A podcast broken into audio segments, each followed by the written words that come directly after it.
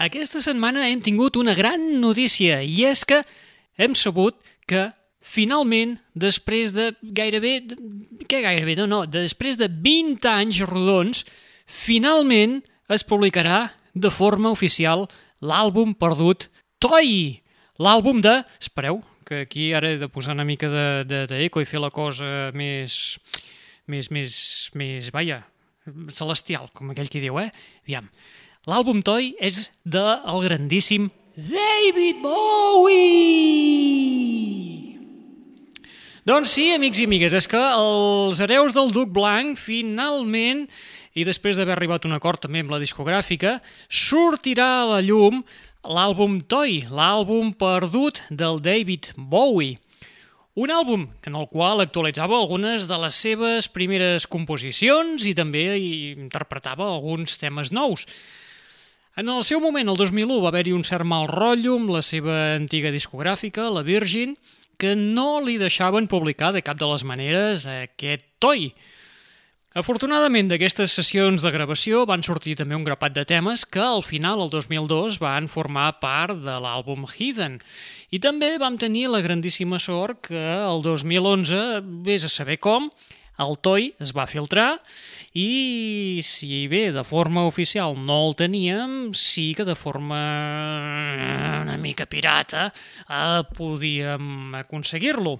Uh, si feu una mica, aneu a repescar una mica la maroteca, més o menys cap al març, abril del 2011, i repesqueu algun programa de la Net Ràdio, allà ja us començàvem a punxar aquest uh, treball perdut del David Bowie, el Toy. Un treball que compta amb peces com aquesta que porta per títol You've Got a Habit of Living.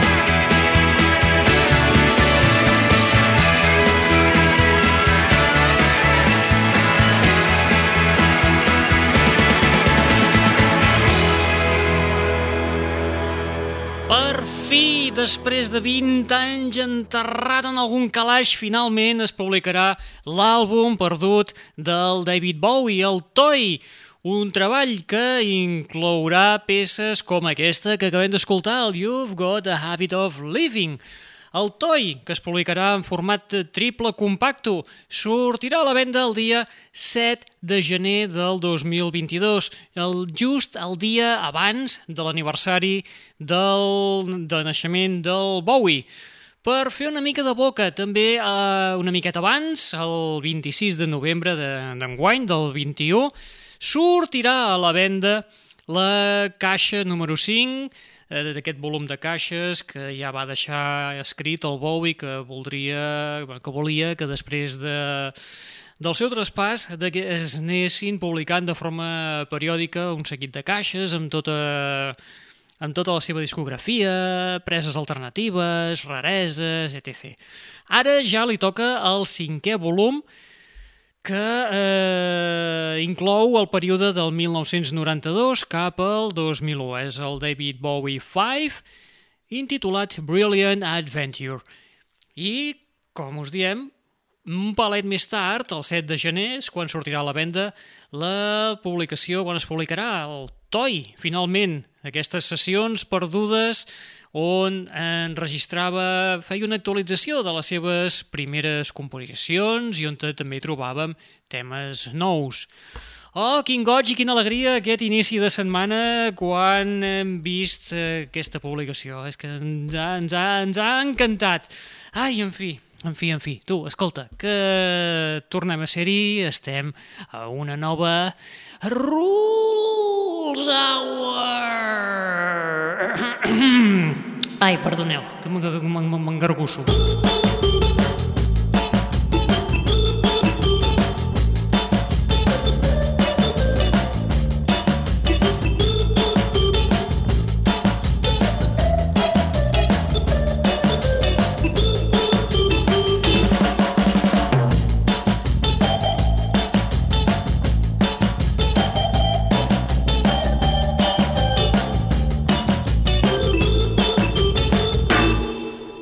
Començat amb el Bowie i l'àlbum perdut que la discogràfica, en el seu moment la Virgin, no li van deixar publicar i mira que l'home va insistir i, de fet, fins i tot en alguns senzills del Heathen incluïa eh, com a cara B algun dels temes de, del Toy. El tio va començar a colar-lo així com qui no vol la cosa, però bueno, ja finalment, 20 anys després, finalment en podrem gaudir. El món és una ironia i de la mateixa manera que en el David Bowie precisament no li deixaven publicar aquest treball d'estudi, hi havia un altre, el xaval de Minneapolis, que tenia un àlbum sota el braç, un àlbum collonut, i el tio a última hora va dir «Escolta, espera't, que ho farem així en planning més kit de Minneapolis. Va dir, escolta, escolta, escolta tu, saps què? Doncs ara, ara que l'he gravat i està ben parit, ara no el vull publicar. Apa, foteu-se! Això és el que va fer el Prince amb l'àlbum Welcome to America, un àlbum que va enregistrar el 2010, però que a última hora va dir tu, escolta, saps què? Mm, no, ara, ara no, el vull, no, no, el vull, no el vull publicar, tu, el deixo aquí guardat en un calaix i si arriba algun dia, escolta, tu, llavors foteu el que vulgueu. Doncs ha arribat aquest dia. Uh, de fet, aquest treball, el Welcome to America, va sortir a finals del mes de juliol, el 30 de juliol, que ja us diem, va ser un àlbum que es havia enregistrat el 2010, un àlbum boníssim, i que, bueno, vés a saber per què, doncs el Prince se li van creuar els cables i va dir, escolta, no, no, no vull que surti. Un àlbum que inclou temes com aquest, Hot Summer. Oh, hot summer.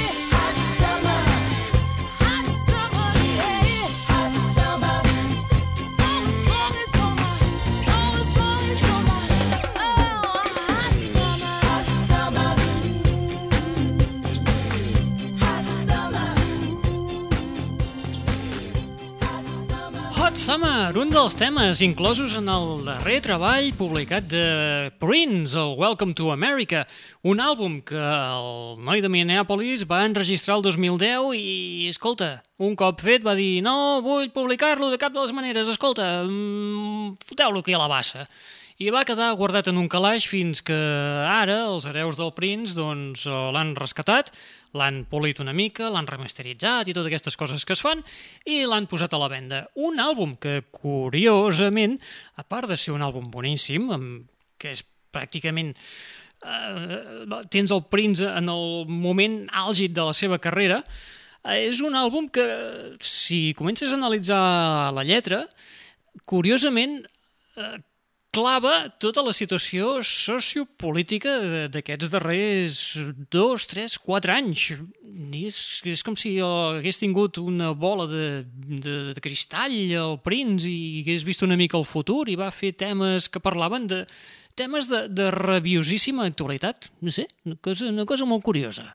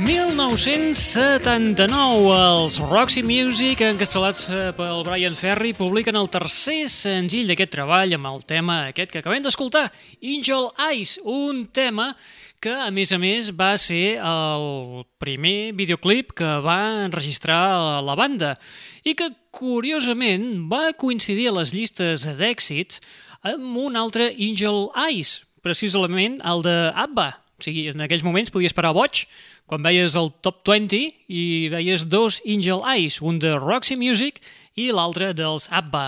Uns que han mamat de la influència dels Roxy Music són uns que celebren els seus 40 anys de trajectòria musical. Són la banda del Simon Le Bon i l'Andy Taylor. Estem parlant dels Duran Duran, uns Duran Duran que ja ja vam començar a escoltar fa qüestió d'un parell o tres de setmanes amb aquest àlbum en el qual celebren els 40 anys de la formació i que serà el 15è de la seva trajectòria. Portarà per títol Future Past i compta amb un grapat de col·laboracions. Una que ens feia molta il·lusió és precisament la que escoltarem ara a continuació al costat del Giorgio Moroder. Es titula Tonight United.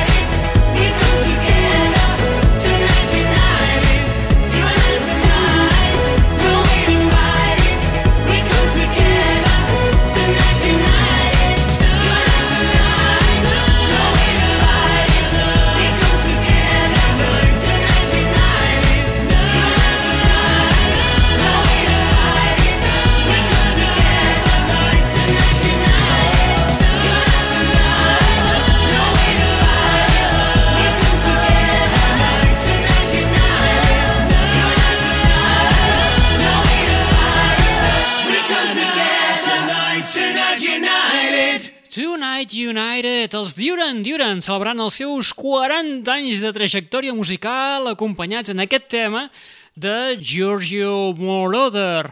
Un treball, uns 40 anys que celebren aquests Duran Duran amb un grapat de col·laboracions de luxe, com per exemple les del Graham Coxon, la Likely, el Mark Ronson o el propi Giorgio Moroder.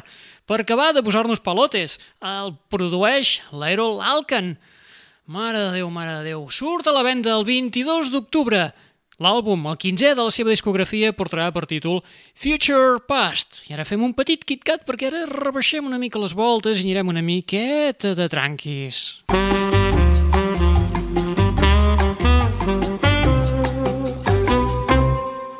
Vinga, va, doncs ara anem una miqueta més de tranquil·lets. Eh, anem a escoltar el nou treball de John Mellencamp, un nou treball que sabem que sortirà a la venda l'any que ve, el 2022. El que no sabem encara és quina data, en quina data es publicarà i com es dirà aquest nou treball. El que sí que ha fet el bo d'en John Mellencamp és oferir-nos ja un primer tast d'aquest nou treball. Us el punxem a continuació. Veureu que hi ha un convidat molt especial. A veure si endevineu qui és. Jo no us dic res, però, però, però, però, pareu l'orella. How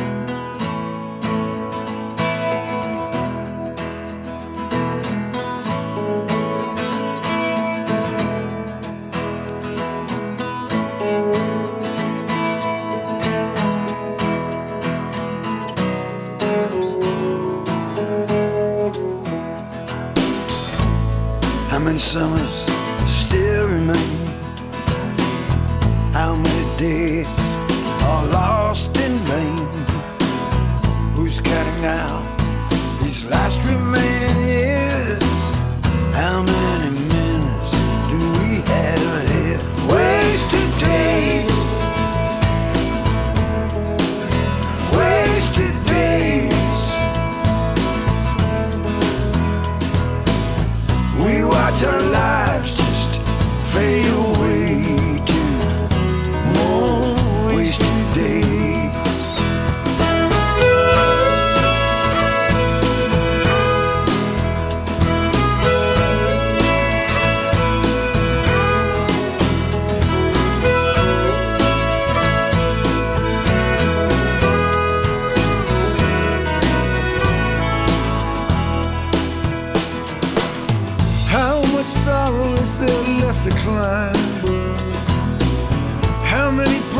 promises are worth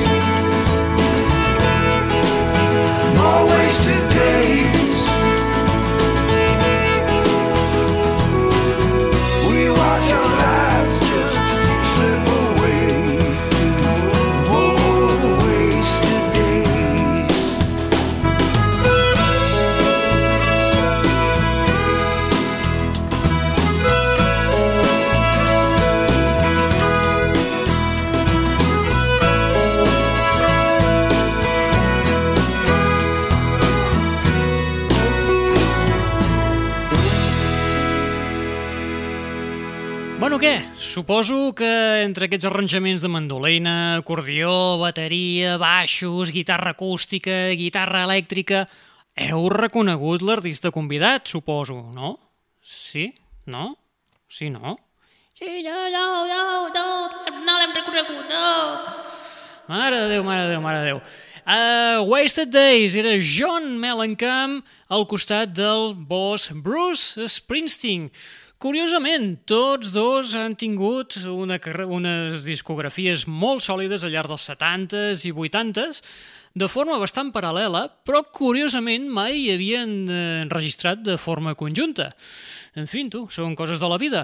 Coses de la vida, com per exemple que eh, parla en el tema que acabem d'escoltar, aquest Wasted Days, un tema que parla sobre la mortalitat. En fi, que ara ens estem posant una mica lúgubres. Eh, vinga, va, canviem una mica, ens anem a retrobar una mica el camí de l'amor i aquí, afortunadament, tenim un retorn que també feia temps que teníem ganes de que, eh, de que, de que, de que, vaja, de que tornessin. Estem parlant del retorn, després de 4 anys de silenci discogràfic, dels germans Angus and Julia Stone. Uns Angus and Julia Stone que acaben de presentar un nou treball d'estudi que porta per títol Life is Strange. Um, aquest treball uh, bàsicament és la banda sonora del videojoc Life is Strange True Colors que ha servit d'excusa ideal per poder-los reunir, enregistrar un àlbum sencer i poder tornar a gaudir de la seva música amb temes com aquest Love Song. We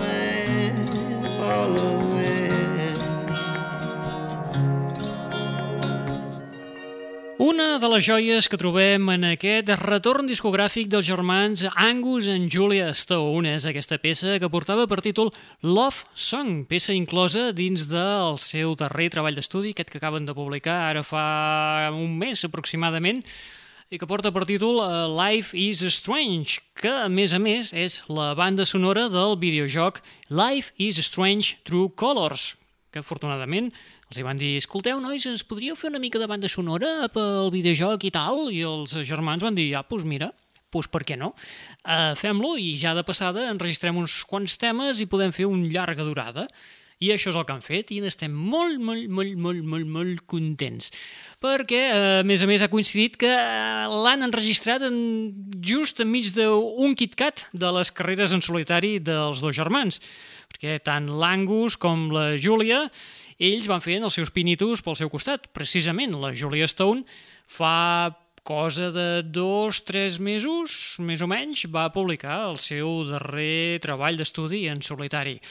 Ah, dels eh, germans eh, Stone anem cap a, els, cap a una musa de l'escena alternativa dels anys 90 que també ha trencat el seu silenci discogràfic. També la tia havia estat 4 anys sense publicar res, que, que ara també és quan em podeu dir «Escolta, però és que el Nadal passat va publicar un EP de Nadales!» Ah, Val, sí, el Nadal passat eh, Tori Amos va publicar un EP de Nadales, quatre, van registrar quatre Nadales, oh, vaja, diguem que no sé si això pot arribar a comptar per... Bueno, en fi, que per de trencament de silenci discogràfic entenem temes, composicions noves, hi ha una cosa amb xitxa que, que no siguin Nadales. Res en contra de les Nadales, però però no sé, vaja.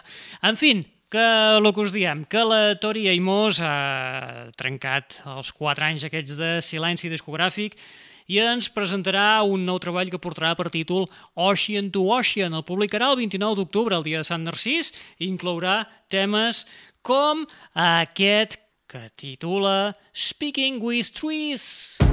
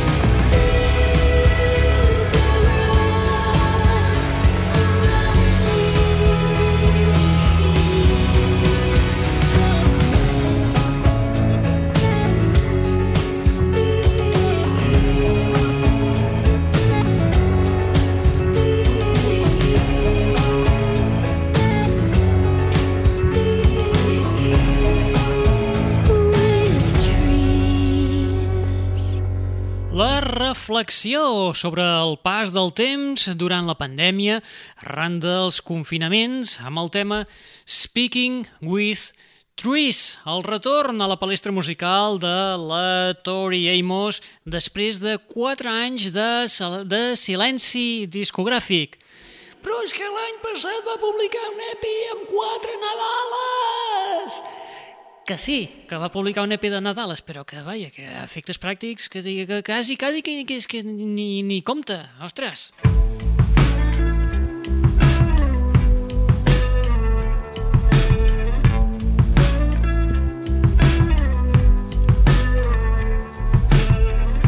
Summer holiday,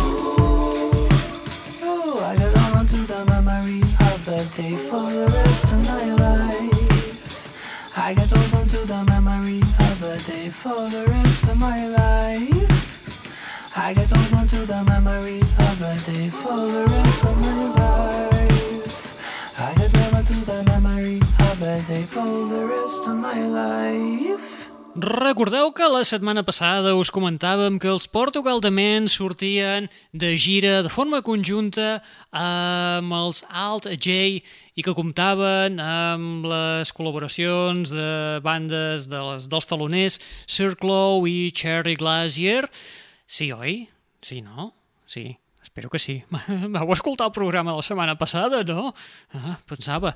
Doncs eh, vam escoltar els Portugal de Men fent una, una versió acompanyats d'una d'aquestes bandes taloneres, però és clar, parlàvem d'una meitat dels que fan la gira dels Portugal de Men, però és que els Alge, per què fan gira? Doncs perquè publiquen un nou treball. Aquest nou treball sortirà a la venda l'11 de febrer del 22, portarà per títol The Dream, aquest nou treball, i inclou peces com aquesta que acabem d'escoltar ara fa res, mig minutet escàs, la que portava per títol You and Me, i que és una continuació del darrer treball dels Al J, el Relaxer del 2017, que casualment fa 4 anys que l'havien publicat, o sigui que ja ho veieu. Als 4 anys és quan tornen eh, l'Angus i la Julia Stone, la Tori Amos i també els Alt J. Bueno, va, escolta, tu, anem a fer el que seria ara un missatge motivacional. Do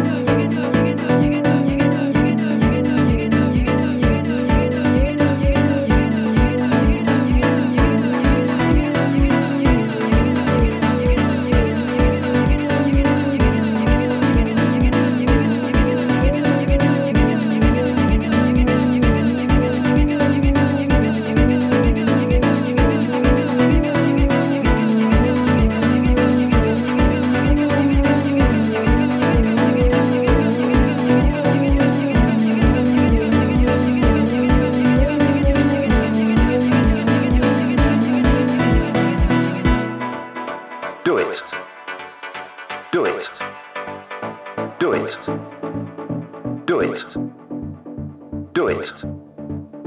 Do it. Do it. Do it. Do it. Do it. Do it. Do it. Do it. Do it. Do it. Do it. Do it. Do it. Do it.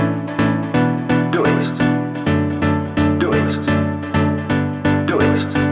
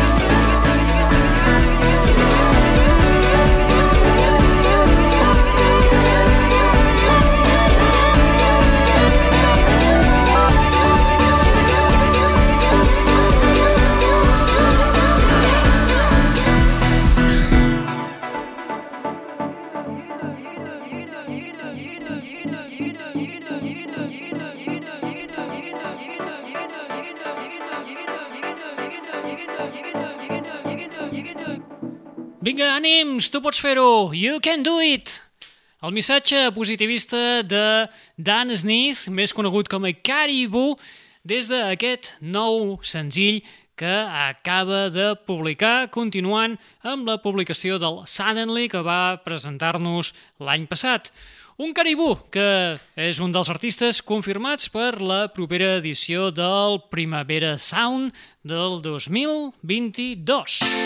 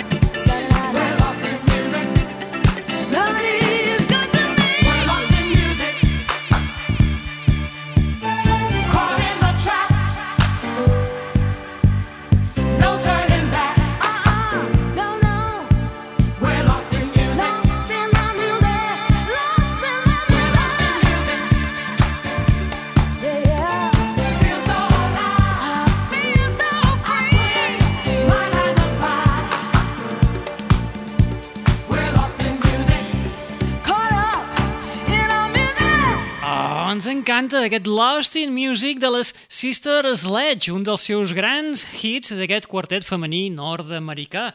La peça estava inclosa en el We're Family del 1979 i va arribar a escalar fins al número 35 de la Billboard americana a les llistes de R&B.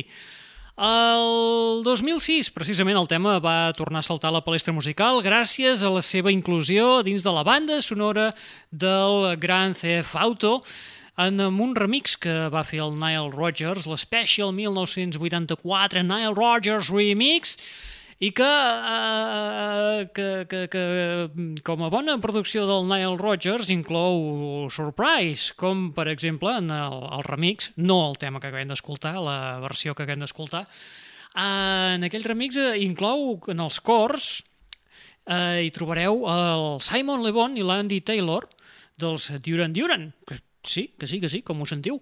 Aneu, aneu, busqueu, busqueu algun videoclip en el YouTube d'aquest Special 1984 Nile Rodgers remix de Lost in Music de les Sister Sledge. I saltem del 1979 cap a un trencacotxes del 2008.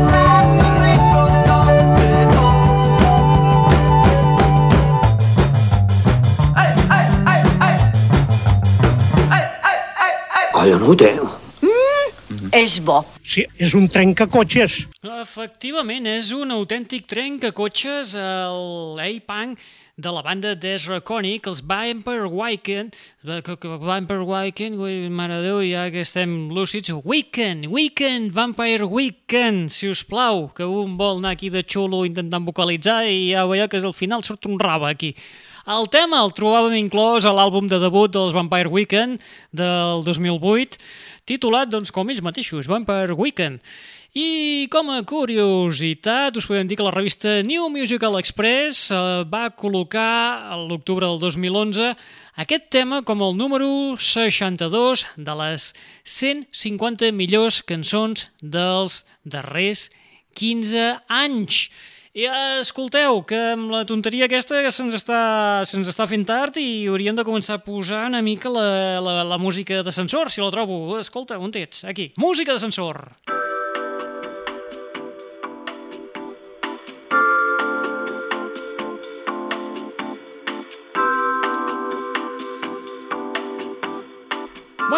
guita, em sembla que per aquesta vegada, per un cop a la vida, arribem més o menys a temps de complir l'hora clàssica de l'espai. Intentarem no passar-nos.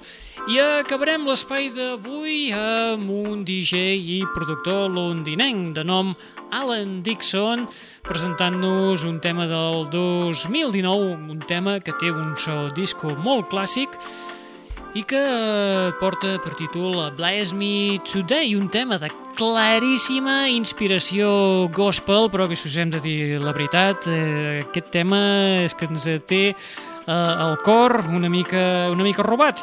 Doncs res, tu, escolta, tanquem la barraqueta per avui, tornem, si tot va bé, la propera setmana i us eh, deixem amb, eh, amb, amb l'Alan Dixon i ens retrobem de nou a la Rules... Ai, ai, un moment, que que això, això ara m'ha sortit fatal, eh?